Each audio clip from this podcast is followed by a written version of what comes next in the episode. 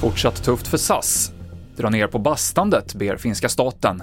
Och passa på och njut, för nu kommer hösten. Det handlar om i TV4-nyheterna.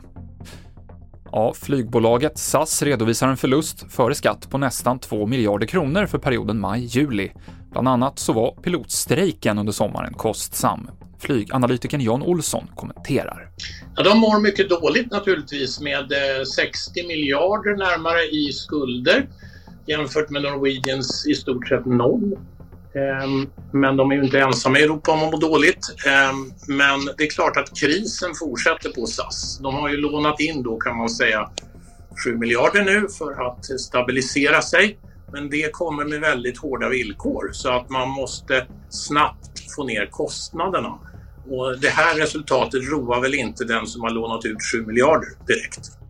Norrmännen har hittat tillbaka till de svenska butikerna på allvar. Enligt norska Statistiska centralbyrån så gränshandlade norrmännen för motsvarande 3,95 miljarder svenska kronor under det andra kvartalet och handeln är därmed tillbaka på samma nivåer som före pandemin. Det är soligt och varmt runt om i landet nu, men det kan vara sommarens sista suck som vi upplever. På lördag är det en kallfront över norra delen av landet och den fortsätter sen trycka undan värmen på söndag.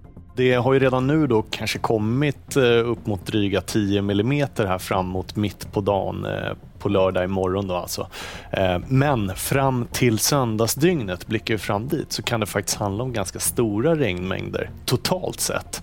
40, dryga 50 millimeter kanske. Och det ser väl ut som att det kan bli även mer totalt sett för det här regnområdet det parkerar sig liksom ner här över Götaland, Svealand. Däremot så ska vi komma ihåg att det här är ju samtidigt välbehövligt regn. Berättade vår meteorolog Lasse Rydqvist. Och en statlig kampanj med namnet Snäppet lägre uppmanar både privatpersoner och företag i Finland att spara energi genom att sänka inomhustemperaturen med en grad. Utöver det så uppmanas finländarna att ta snabbare duschar och ha kortare sittningar i bastun. TV4-nyheterna med Mikael Klintevall i studion.